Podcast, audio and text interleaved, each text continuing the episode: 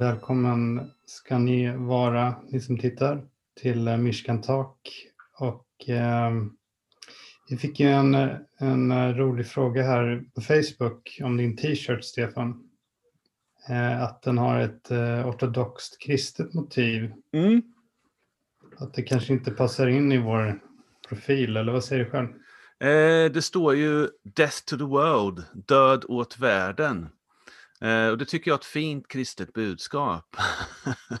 eh, T-shirten är köpt från en eh, amerikansk ministry eh, eh, med ortodoxa munkar. Där jag vet att en av munkarna eh, tidigare innan han blev kristen eh, har jag för mig var delaktig i punkmusikscenen i USA.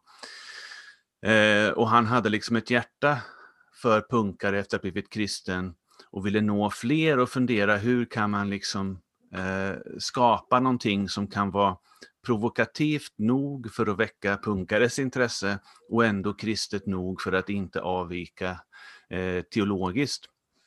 Och då så eh, eh i studiet av kyrkofäderna så dyker det ofta upp som ett motiv från den, de allra tidigaste skrifterna och framåt att eh, och även Jesus säger ju att vi måste på ett sätt dö för att få livet. Eh, och att man formulerar även första Johannesbrevet, en av de texter som pratar om det vardagliga livet vi har omkring oss som världen, som kosmos. Mm. Och då utvecklas tanken att kosmos måste dö, det vill säga det världsliga och materialistiska i våra liv måste dö, vår egoism och vår självcentrering. Då blev det som en rubrik, död åt världen, som de här munkarna också sen i den amerikanska ministryn tog över. Eh, och jag har varit väldigt inspirerad av både de här munkarna men också av ortodoxa kyrkan och är det fortfarande. Mm. Eh, inom Mishkan så är vi ju, eh, det är en ekumenisk tankesmedja, så vi har ju olika bakgrund och olika tillhörighet, församlingstillhörighet eller samfundstillhörighet. Eh, och jag har under eh, ett antal år, kanske tiotal år, funnits i utkanten av ortodoxa kyrkan. Just idag inte längre, eh, inte liksom av något särskilt skäl så. Det har funnits en tid då jag har funderat, är kanske ortodoxa kyrkan den kyrka där jag själv ska vara medlem? Men det är jag inte idag. Eh, men däremot så är det verkligen så att den här rika andliga traditionen som finns i den ortodoxa kyrkan, som ju ändå är den, den, den första, den tidigaste eh, kyrkan som så att säga stod på egna ben utanför judendomen. Det, det är också där då som vi finner flest kopplingar till judisk praxis från eh, Jesusrörelsens, den kristna trons allra första dagar som jag ser det i alla fall så är ju ortodoxa kyrkan den kyrkotradition som har eh, tidigast rötter, går längst tillbaka bland de icke-judiska traditionerna om man uttrycker det så. Mm. Eh, det här är en komplicerad diskussion om vad kristen tro egentligen är. Eh, inom ortodoxin så skulle man ju säga då att vi har den tro som Jesus hade. Mm. Och det är väl där vi i Mishkan kommer in och problematiserar det hela och hävdar att kristen tro i sin essens är judendom efter Messias första ankomst. Mm. Eh, vi ställer inte riktigt upp på att kristendomen blev en ny, att Jesus och Paulus och de andra eh, startade en ny religion, avsåg att starta en ny religion eller gjorde någonting som krävde en ny religion, utan det var ett naturligt utflöde av alla de löften Gud har gett eh, till det judiska folket och att Messias kom som mm. Guds son i, i, i, Jesus, Jeshua, till jorden. Um, men annars så är det ändå intressant att se hur ortodoxa kyrkan har bevarat väldigt många former av praxis, både i sin liturgi, i sin gudstjänstform, eh, i sitt böneliv eh, och i sin andlighet, även teologiskt, många saker som finns även om man tittar på rabbinsk judendom, som då båda traditionerna har fått med sig från den här formen av judendom som vi kan kalla det andra templets eh, judendom innan det andra templet förstördes år 70 mm. efter Kristus. Um, och sen så har de här två traditionerna också, ortodox kristendom och ortodox judendom, eller man ska säga rabbinsk judendom, eh, påverkat varandra eh, Eh, medvetet och omedvetet för att det också har blivit en ökande motsättning under senantiken där det blivit viktigare och viktigare för båda grupperna att definiera sig mot de andra och utesluta de andra. Och det har gjort att ortodoxa, ortodoxa kyrkan, eh, många av fäderna utvecklade en retorik i sina skrifter som är antisemitisk. Och det är heller inte bibliskt.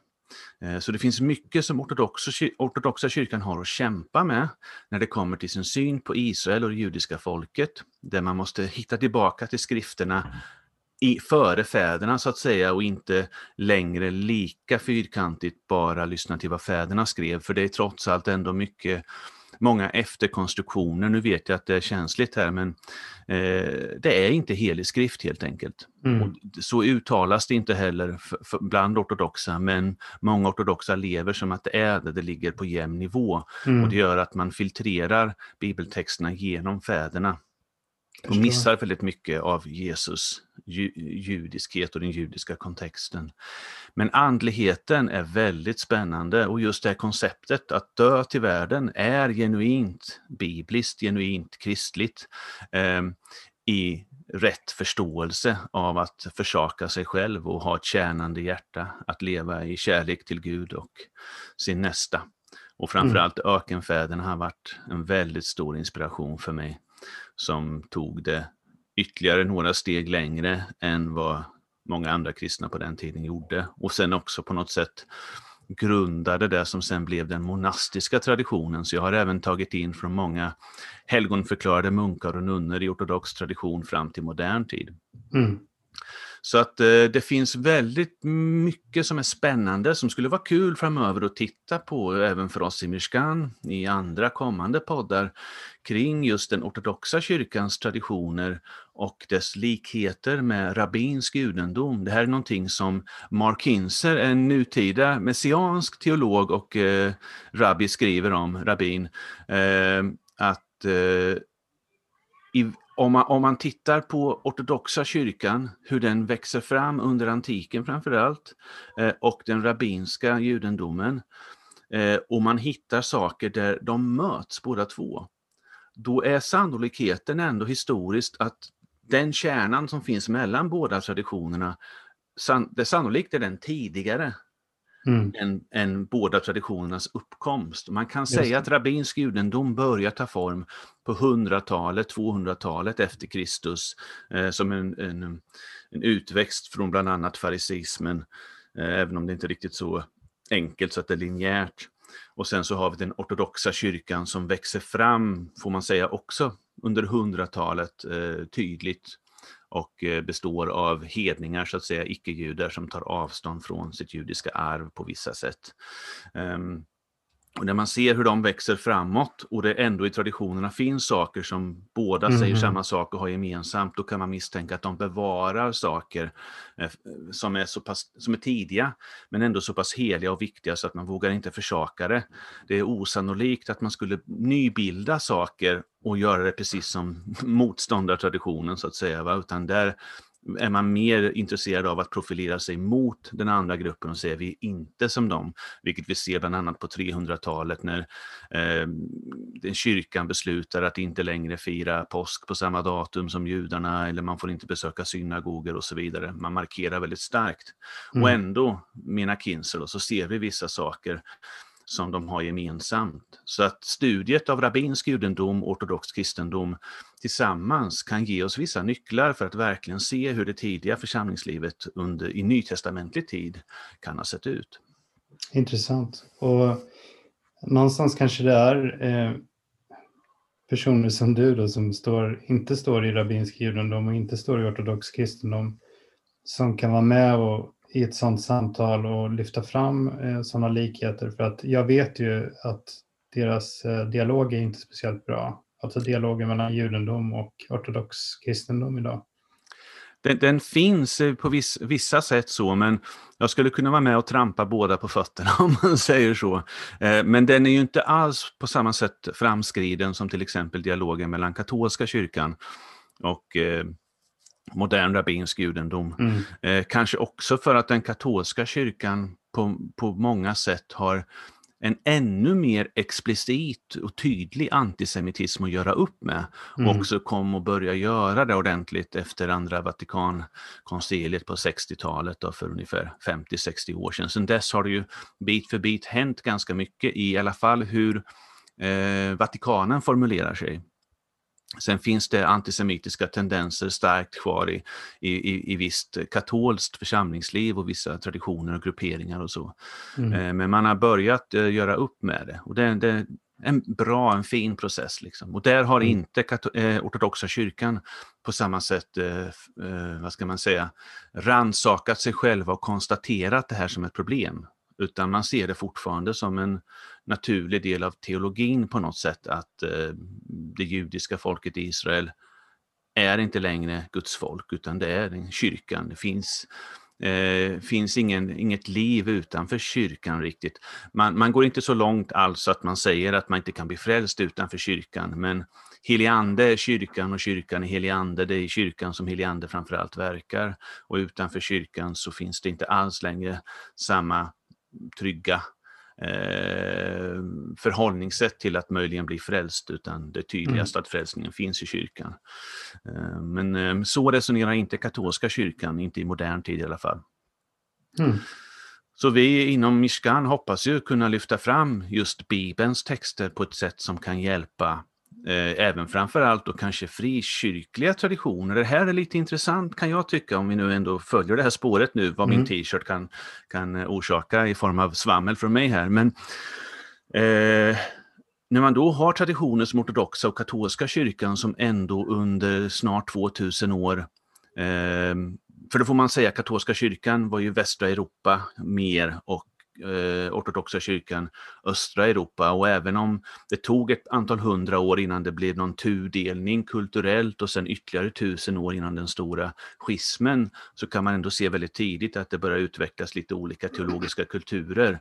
Så man kan nog med fog ändå säga att både ortodox och katolsk kristendom har nästan 2000 år bakom sig i det sätt de har byggt upp sin teologi. Mm. Eh, katolska kyrkan har utvecklat en katekes med bestämda trosartiklar har inte ortodox kyrka gjort på samma sätt, men de har ändå definitivt sin väldigt starka motsvarighet av vad man ska och inte ska tro. Ehm, då kan man tänka att för de två kyrkorna så är det svårt att ändra position. Ehm, men katolska kyrkan har i vissa positioner, vissa ställningstaganden visat en väldig flexibilitet i modern tid och börjat ändra och vrida. Ehm, ortodoxa kyrkan är lite mer trögrörlig men där finns det också ändå en dialog eh, titt som tätt mellan eh, eh, ortodoxa kyrkan och modern judendom. Men frikyrkorna i Sverige, vi som ska vara frikyrkliga och rörliga, fria och rörliga, eh, som inte ska vara låsta i katekeser och dogmer och så vidare. Mm. Här verkar det nästan vara mest känsligt och svårast ibland att påtala att eh, det sätt vi talar, vår retorik, de, de, böcker och texter vi publicerar för att kommentera Bibeln, det vi säger i, på söndagarna i våra kyrkor och så vidare, att det skulle innehålla judefientlighet eller antisemitiska tendenser eller att vi har någonting att göra upp med eh, bakåt sett och ta ett ansvar för det lidande som det judiska folket har utsatts för. Eh, det vill man inte ta på riktigt, det vill man inte kännas vid. Och det, det här är lite lustigt. Så att, eh, vi hoppas verkligen eh, med Guds hjälp att i Sverige så ska de här tankarna som vi för fram, de här sakerna vi vill problematiseras, eh, problematisera, med tiden tas emot av fler tänkare och teologer inom de frikyrkliga familjerna så att man faktiskt på allvar, på sitt eget sätt eh, och med sin egen vokabulär kan börja nysta i det här, plocka isär de idéer man har och faktiskt förstå att vi i kyrkan kan inte definiera antisemitism. Det måste det judiska folket själva få göra. Mm. Och är det så att vi skulle vända på det sätt vi pratar om det judiska när vi förklarar Bibeln och istället lägga det i händerna på en annan religion, eh, på muslimer eller judar eller new age eller vad det nu är, och höra dem prata om oss på det här sättet då skulle vi plötsligt bli väldigt förnärmade. Då skulle vi fatta vad det handlar om. Men när det kommer mm. ur vår mun så blir det en sorts sanning och vi tar inte hänsyn till hur andra reagerar för att det, det är bara sanningen. Och så har vi inte riktigt förankrat oss själva i Bibelns texter för att se, är det här verkligen vad Gud säger i sitt ord? Då tycker jag vi dyker in i fortsätter helt enkelt där vi var sist. Vi pratade ju om olika bevis för att Jesus, Jeshua, eh, är eh, Torah-observant jude. Mm. Eh, och eh, bland de bevisen fanns till exempel det här med att Jesus bar bönetofsar, tzitzit, eh, Mm. tefillin, han eh, försvarade sabbaten, han höll sabbaten. Mm. Eh, och, de diskussioner som finns eh, om sabbaten måste mer kanske ses som, eller betraktas som inomjudiska diskussioner Mm. eh, med fariseerna och så vidare. Mm. Och eh, slutligen så kollar vi även på detta med matreglerna och Mm. kashrut. Eh, jag tror vi nämnde att vi skulle säga någonting om eh, Apostlagärningarna 10 och Petrus syn. Mm. Eh, och Just det kan vi göra kort innan vi går vidare bara. Mm. Eh, Apostlagärningarna 10 är en, eh, en text, eh, jag tror jag sa förra gången att när man diskuterar, vi kristna sinsemellan pratar matregler eller lagen, eh, så dels då Markus 7 som vi pratade om förra gången, att Jesus eh, påstås förklara all mat ren, vilket man verkligen kan ifrågasätta vad det skulle, hur man ska översätta grekiskan. Och även om man köper den i översättningen så kan man ändå fråga vad menar Jesus med all mat? Vad är det som är mat för honom?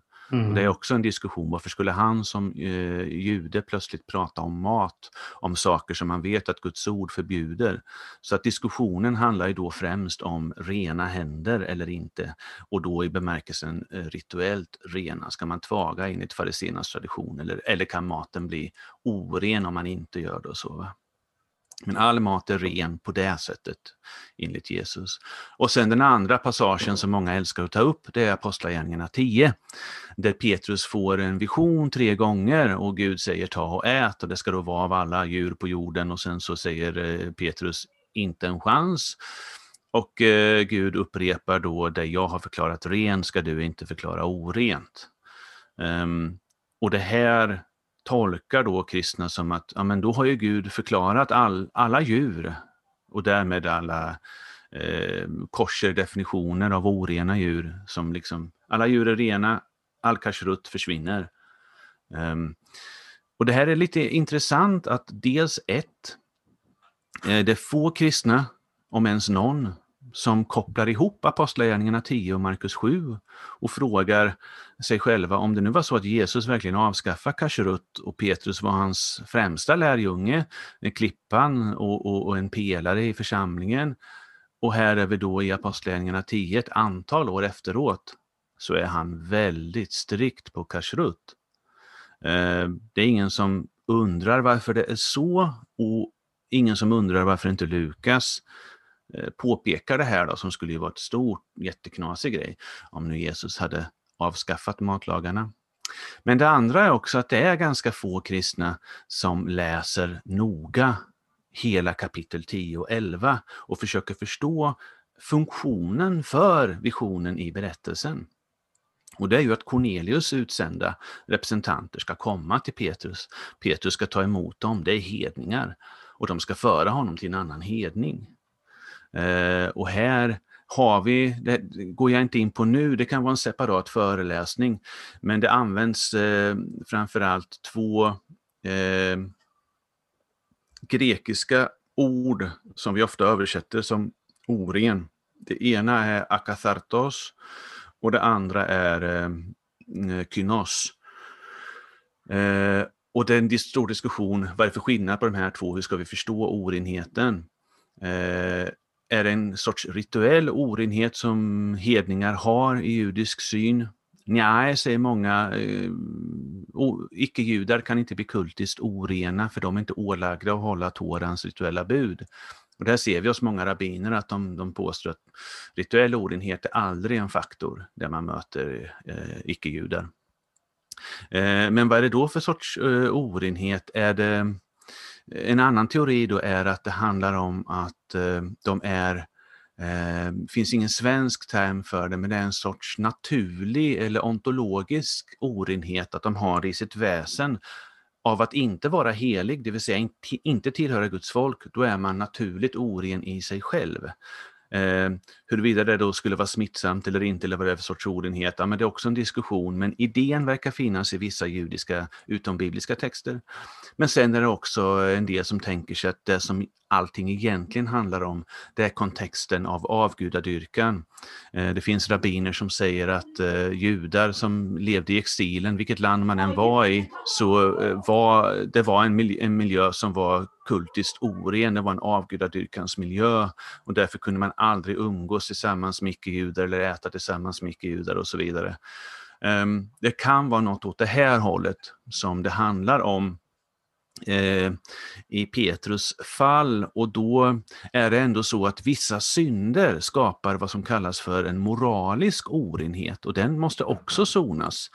Ehm, tempelkulten, så som den beskrivs i tredje Mosebok, var främst till för att syfta den rituella orenheten eh, och även oavsiktliga synder som man begått i övrigt. Men det var desto svårare att sona för avsiktliga eh, eh, avsiktlig avgudadyrkan, avsiktlig sexuell omoral och avsiktliga mord och så vidare. Sådana synder var djupare och tuffare att ta tag i. Mm. Och sådana, när hedningar begick det, så fick de också en moralisk orenhet utifrån det. För det ser vi både i tredje Mosebok och i andra passager att det är lagar eller bud som Gud har för alla nationer, det är inte specifikt för det judiska folket. Mm. Eh, det är därför de sju kananeiska stammarna blir utspydda ur Israels land så att säga och Israel får komma in och ta över, ta efter. Ehm, så att det är en sån tanke att icke-judar, hela deras kultur eh, och nationernas miljö är så att säga mm, eh, förorenad då av det, den, en, en rituell Eh, tillbedjan till avgudar som skapar en moralisk orenhet. Mm. Som sagt, eh, jag känner själv när jag försöker förklara det mm. kortfattat, det kan bli rörigt. En del av oss är bekanta med det här och kan förstå och kanske hänga med i vad jag menar. För en del är det här helt nytt. Men prylen är ändå att vi ser att när Petrus sen till slut följer med, han tar emot då, de här hedningarna som kommer till honom och han följer med till Cornelius. Och så säger han att Gud har nu visat mig att eh, jag ska inte kalla människor för orena. Mm. Eh, så att visionen handlar om att förbereda honom, att har Gud sagt det här är rent, eller har Gud förklarat någonting rent? Vilket i och för sig då innebär att han kan ha eh, renat det och sagt nu är det här rent, det var inte rent tidigare. Det är inte så att Gud förnekar att hedningar överlag, tvärtom, det är liksom Torans stora signaler. Nationerna överlag är avgudadyrkande nationer, det finns en orenhet där, se upp, eh, håll er borta, avskilj er. Beblanda er inte med det. Eh, men poängen är att nu kommer det människor, Cornelius och hans hushåll och även så småningom andra hedningar, som det står då i Apostlagärningarna att Gud har utvalt dem Eh, och, och, Petrus, jag kommer inte ihåg den exakta formuleringen, säger även i, i Apostlagärningarna 10 att eh, Gud, eh, de människor som, är, som fruktar Gud och gör det som är rätt eller något sånt då, är, är välkomna. Så att det finns kvalifikationer för vilken hedning som kan bli renad av Gud. För mm. Petrus följer upp även i Apostlagärningarna 15 i Jerusalem-mötet med att säga att Gud har renat deras hjärtan.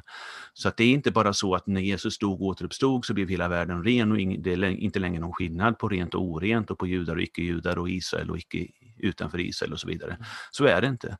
Men Gud väljer bland nationerna de människor som har ett gott hjärta, som är fruktar Gud och vill göra gör, gör det som är, är gott och rätt. Och så renar han deras hjärta från den här eh, orenheten som de, de kan bära på på grund av umgänget, eh, eh, avgudadyrkande umgänge som, eller kultur, miljö som de lever i. För det här är någonting som vi idag också har jättesvårt att greppa som kristna i västerländerna, framförallt, inte kanske i andra delar av världen, men i, i västländerna så har vi svårt att förstå att orenhet i Bibeln är någonting verkligt. Precis som covid-19. Det är någonting mm. som finns där och som kan smitta och som kan förstöra människors liv och gudsrelation. Så man ska se upp med det.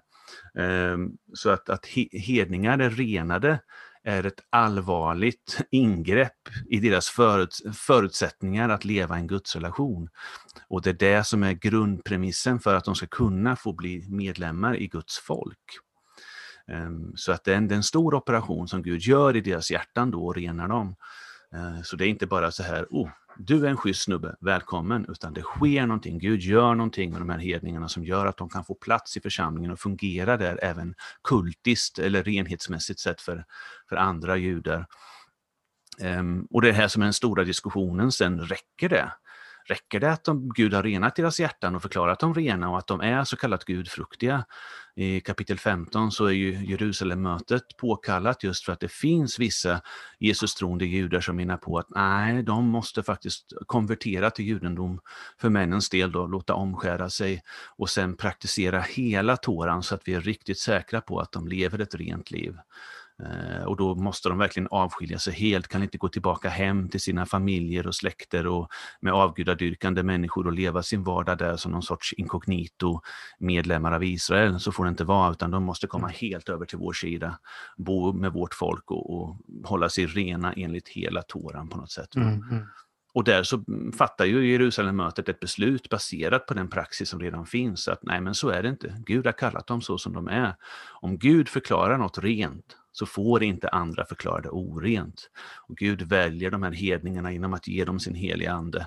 Då går det inte att komma och säga med skalpellen, ni måste omskära er också. Eh, och det är det här som då kristna idag har inte, det är få som läser så noga i Bibelns texter. Eh, går man in i kommentarer, kristna teologers kommentarer, som lever liksom sina liv i den här forskningen, då ser man ett helt annat budskap. Även om det finns de som fortfarande kan ha ersättningsteologiska vibbar i sina resonemang och slutsatser, eh, så är man ändå fullt införstådd med att men visionen, det är, det är ingen som går på djupet i de här texterna och verkligen använder sig av forskningen historiskt kring de här texterna bland kristna teologer som fortsätter idag att hävda att men visionen handlar om att Gud verkligen vill avskaffa eh, kashrut. Mm. Utan det handlar, visionen handlar om att Petrus ska ta emot hedningar och gå hem till hedningar. Och sen är det en del som ändå stoppar in vid sidan av att men det kan nog, sen kanske han ändå skippar kashrut eller Gud kanske ändå slopar det. Men visionens primära syfte är inte det. Men som sagt, det finns ingenting i Bibelns, i Apostlagärningarnas narrativ som indikerar det här. Sen mm. när vi kommer fram till Apostlagärningarna 15, vad får då hedningarna Eh, så att säga de icke-judarna i församlingarna som tror på Jesus, vad får de för fyra bud? Jo, de får att de ska avhålla sig från avgudadyrkan eller mat inom eh, offermaten inom avgudadyrkan. Det kan tolkas, eller det är två formuleringar som både fokuserar på mat men även breddar. Och sen så är det eh, otukt, bort med det. Eh, får inte äta blod. Eh, och sen så står det inte eh, hålla sig borta från kvävt. Och det här är också en diskussion, vad betyder det? Mm. Men det finns så mycket bevis idag och det är också ingenting jag går in på nu, men det kommer vi prata lite mer om eh, på vår konferens i slutet på januari, eh, som vi håller på Zoom, en digital konferens lördag den 13 januari. Varmt välkomna, anmäl er först bara, så vi vet att ni är, vill haka på, men där kommer vi snacka om det här att kvävt idag med all forskning som finns om det här begreppet, både på grekiska, eh, hebreiska, arameiska, eh, så eh, är det inget snack om att det avser djur som inte har slaktats på rätt sätt. Och då är vi inne i tredje Mosebok kapitel 17, som är det enda, det är det tydligaste exemplet vi hittar i, i Toran på att även icke-judar som lever i Israel kan ådra sig kultisk alltså rituell orenhet, inte moralisk. Man får, man, man, man får käka, som det kallas, då kvävt kött som har dött eller slaktats på fel sätt. Men då måste man rena sig, tvätta sig själv och även sina kläder tror jag, eh, samma kväll eller något sånt där.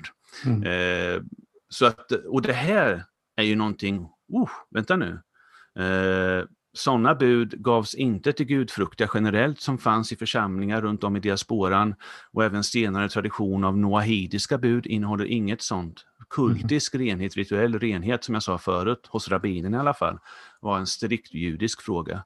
Men här har vi det här lilla, mellan, det här lilla glappet mellan judar och icke-judar som båda i Torans lagstiftning kan vara del av Israel. Och då kan båda grupperna ådra sig eh, rituell orenhet och framförallt då genom vad man käkar. Ehm, så att eh, Apostlagärningarna 15 är det tydligaste beviset på att inte bara att det aldrig diskuteras huruvida judar ska överge tåren eller inte, men när man väl också sen fastslår ett sorts minimum för icke-judarna så ingår matbud, kasheruttbud för rituell orenhet i de fyra buden. Så hur, hur tror du att uh, hedna, hedna kristna uppfattade det här när de hörde om att de inte skulle förtära kövda djur? För det läckra är ju att de, de jublar ju av glädje. Eh, mm. Det får vi ju när, när eh, sändebud sen skickas ut från eh, Jerusalemförsamlingen så läser vi senare i kapitel 15 att det här budskapet de kom med, de, kom, de fick ju i brevform då från Jakob och de andra med de här fyra buden, så gläds de.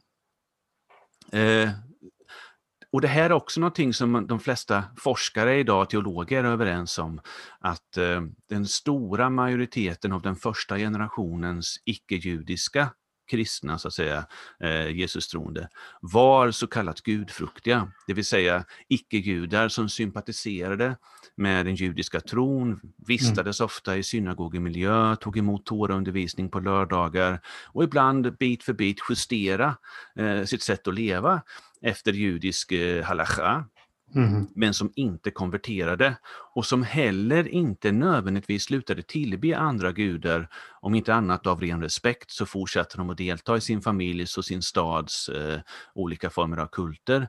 Men den, de inkluderar Israels gud som en av sina flera gudar då, i sitt Pantheon. Eh, så att det är liksom inga eh, vilka snubbar som helst som plockas upp och utgör stommen i det icke-judiska församlingslivet. Så för dem att inte käka blod och inte äta icke-koscherslaktat, så att säga, felaktigt slaktat djur. Det var mm. sannolikt någonting de själva var väldigt liksom inkörda på redan.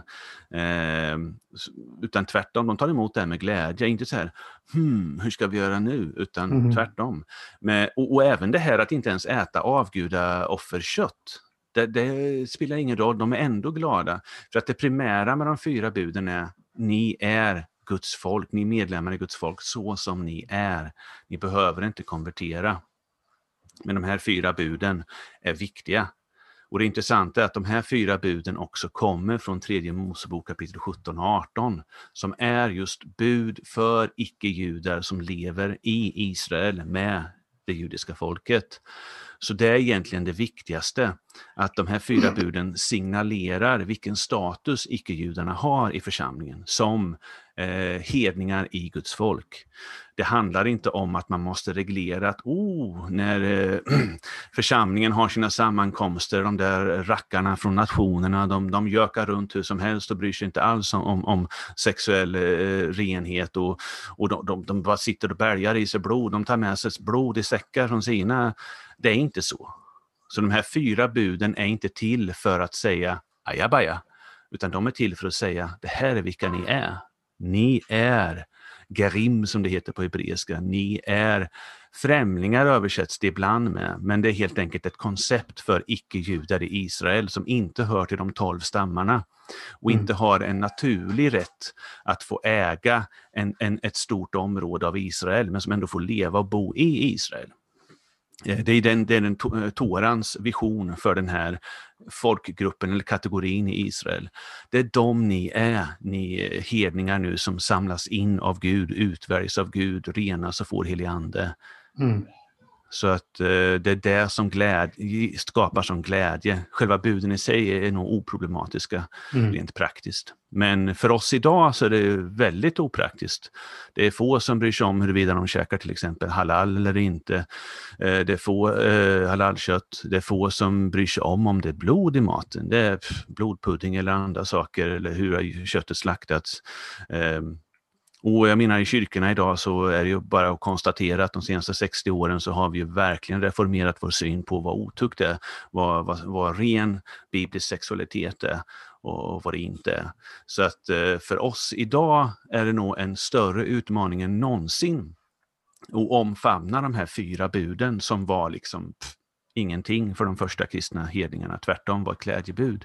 Mm. Och det tycker jag är tidens tecken att också vi i Mishkan nu håller på och börjar basunera ut de här fyra igen, att en del av vår retorik och att vi pekar på Apostlagärningarna 15 och försöker säga att nej, nej, nej, det är inte som många idag vill påstå att det här var bara fyra bud Jakob slängde ut för att ja, men då kan eh, hedningar och judar umgås schysst i församlingarna. Liksom. För det var inte diskussionen. Det är ingen som påstod att hedningar höll på med sånt här i, församlingen, i församlingarna. Utan man tvi, tvivlade på om de var frälsta eller inte, eller om deras icke-judiska status var tillräcklig. Det är det mm. som är diskussionsämnet. Kan man umgås med dem? Är de, är de så att säga rena nog för att vara delar av, av Guds folk verkligen? Just det. Då tycker jag vi går vidare med, eh, med argumenten. Ja, men just det. Och då har vi kommit till ett eh, argument som handlar om Jeshua som en lagtrogen son av Davids hus. Mm. Det är ju ett här lite mer subtilt argument. Jag bara påminner också från förra Mishkan Talk vi hade, var det del två? Och det här är del tre kanske. Mm. Det kommer inte vara så viktigt längre, men i alla fall för del två så finns ju en text eh, länkad, om man minns rätt, eh, som vi utgår ifrån ganska mycket när vi snackar, inte allt, men många delar. Så att, eh, den ligger som en, eh, en läsbar eh, pdf på min Google Drive. Jag hoppas inte det är någonting som kommer spöka för min Google Drive att vi kör med den länken, men då är det bara, ni är välkomna att klicka, se texten och kolla. Eh, men det här är ett lite mer subtilt argument. Eh, att Jesus eh, kallas ju för Davids son, både rent profetiskt, till exempel i början eh, av eh, Lukas evangeliet så ska han ju ta över, han ska ärva Davids tron. Eh, han ska regera över Jakobs hus, det vill säga över Israel. Eh, han, han förkunnas därför från första början som en konungslig person ur mm. ett eskatologiskt perspektiv, det vill säga en, en, en kungsgestalt. Vilket ju också är en del av grunddefinitionen av Messias, att vara smord, kungarna blir smorda. Så han ska vara en kung helt enkelt för Israel, men hans välde ska vara annorlunda för det ska vara evigt. Eh, och sen så då finns det ju saker i Toran som eh, reglerar hur en kung ska bete sig som behagar Gud. Och en av de saker som gäller det är ju att följa allt som står i Moselag, att ha en egen kopia av det och verkligen vinnlägga sig om att följa mm. Moselag mm. som kung. Eh, det finns även i Saltaren, ska vi se, psalm 89 är det. Eh, så, så, står det här att eh, Gud kommer att hålla efter Davids eh, ättlingar eller kungarna och se till att de verkligen håller hans lagar och gör de inte det så kommer han att eh, ge dem ris, ge dem straff. Och, så att ehm, det är ändå mycket i, i Toran, eller hela Tanach, hela gamla ehm, testament, testamentet, som förtydligar att en god kung i Guds ögon kan inte vara en lagbrytare. Eh, definitivt inte medvetet avgjort lagbrytande. Mm. Det här är någonting som också kommer in i diskussionen kring hur judar förstod att hålla lagen. Inom kristen teologi så har man med mer eller mindre fog ändå utvecklat den här idén med tiden att eh, för judarna så var det viktigt att hålla varje bud och man var tvungen att hålla det perfekt hela tiden. Eh, då tar man inte beräkning att stora delar av Bibeln handlar om Guds nåd. Eh, att tredje Mosebok och tempeltjänsten handlar om att rena från, från synder som människor begår och att det finns förlåtelse för den som omvänder sig och så vidare. Ehm, så att nåden är en jätteviktig faktor genom hela Gamla Testamentet. Att hålla hela lagen handlar om att bejaka, känna till och veta det här är de bud jag ska hålla och att ta på sig det oket och sen göra sitt bästa. Ehm, men en kung som säger nej till till exempel kashrut, det är en kung som medvetet gör uppror emot Toran och en sån person kan inte med bibliska mått anses vara kung. Eh, vi ser ju också i eh, evangelierna hur Jesus beskrivs som kung. Eh, när han, dels när han blir korsfäst, och det ser ju en del som en liten ironi, att det står det här är judarnas konung på skylten ovanför hans kors. Men det är ju den dubbelheten som evangelieförfattarna spelar på där, att det fanns en sån skylt. Därför han anklagades för att påstå sig vara kung över judarna. Eh, vilket ju skulle vara eh, det, det är det spänningsfält vi hittar i början på Matteus evangeliet också mellan Jesus och Herodes. Vem är den sanne kungen? Eh, I Mark 11 när Jesus kommer in till Jerusalem så ropar man välsignat, välsignat vår fader Davids rike som nu kommer. Hosianna i höjden.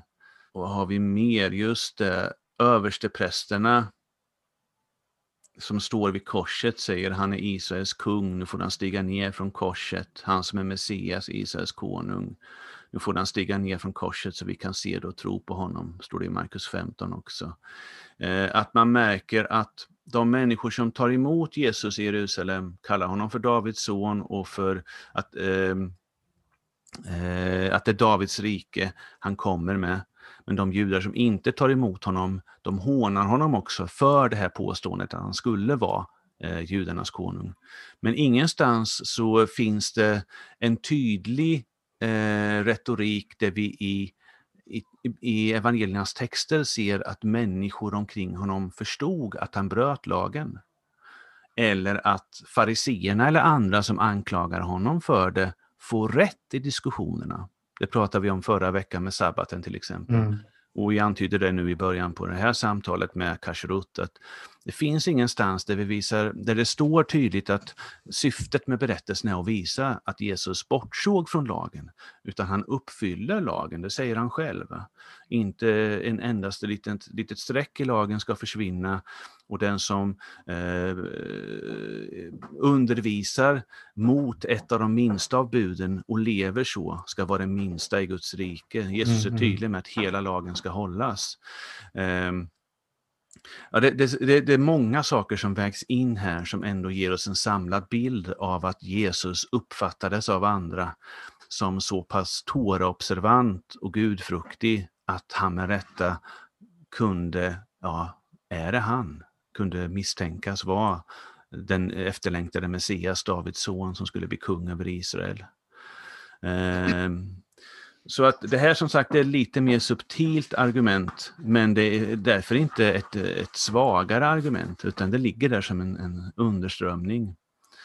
Eh, och sen så har vi också de klassiska passagerna, Hebreerbrevet 4, att Jesus var som en som har prövats på alla sätt och varit som vi, men utan synd. Och andra Korintierbrevet 5, han som inte visste vad synd var, honom gjorde Gud till ett med synden för vår skull. Eh, och sen även i, i, i Markus 14, överprästerna och hela rådet skulle försöka få fram vittnesmål mot Jesus inför korsfästelsen, så eh, kunde man bara hitta falska vittnen där det påstods att han eh, skulle riva ner templet och så vidare. Man lyckades inte få vittnesmålen att stämma överens för att tydligt anklaga honom för ett lagbrott. Eh, och när Nya testamentets texter menar på att Jesus är utan synd, så är en kristen efterkonstruktion och tro att det skulle kunna betyda någonting annat än Toran. För att det här är en judisk förståelse och det var de första Jesus-troende judarnas förståelse att syndfrihet det är att följa Toran och synd är att bryta mot buden. Så att det är mycket här eh, som vägs in i att Jesus eh, behåller sitt rykte som, som kung, kung över Israel och Davids son hela vägen fram till korset.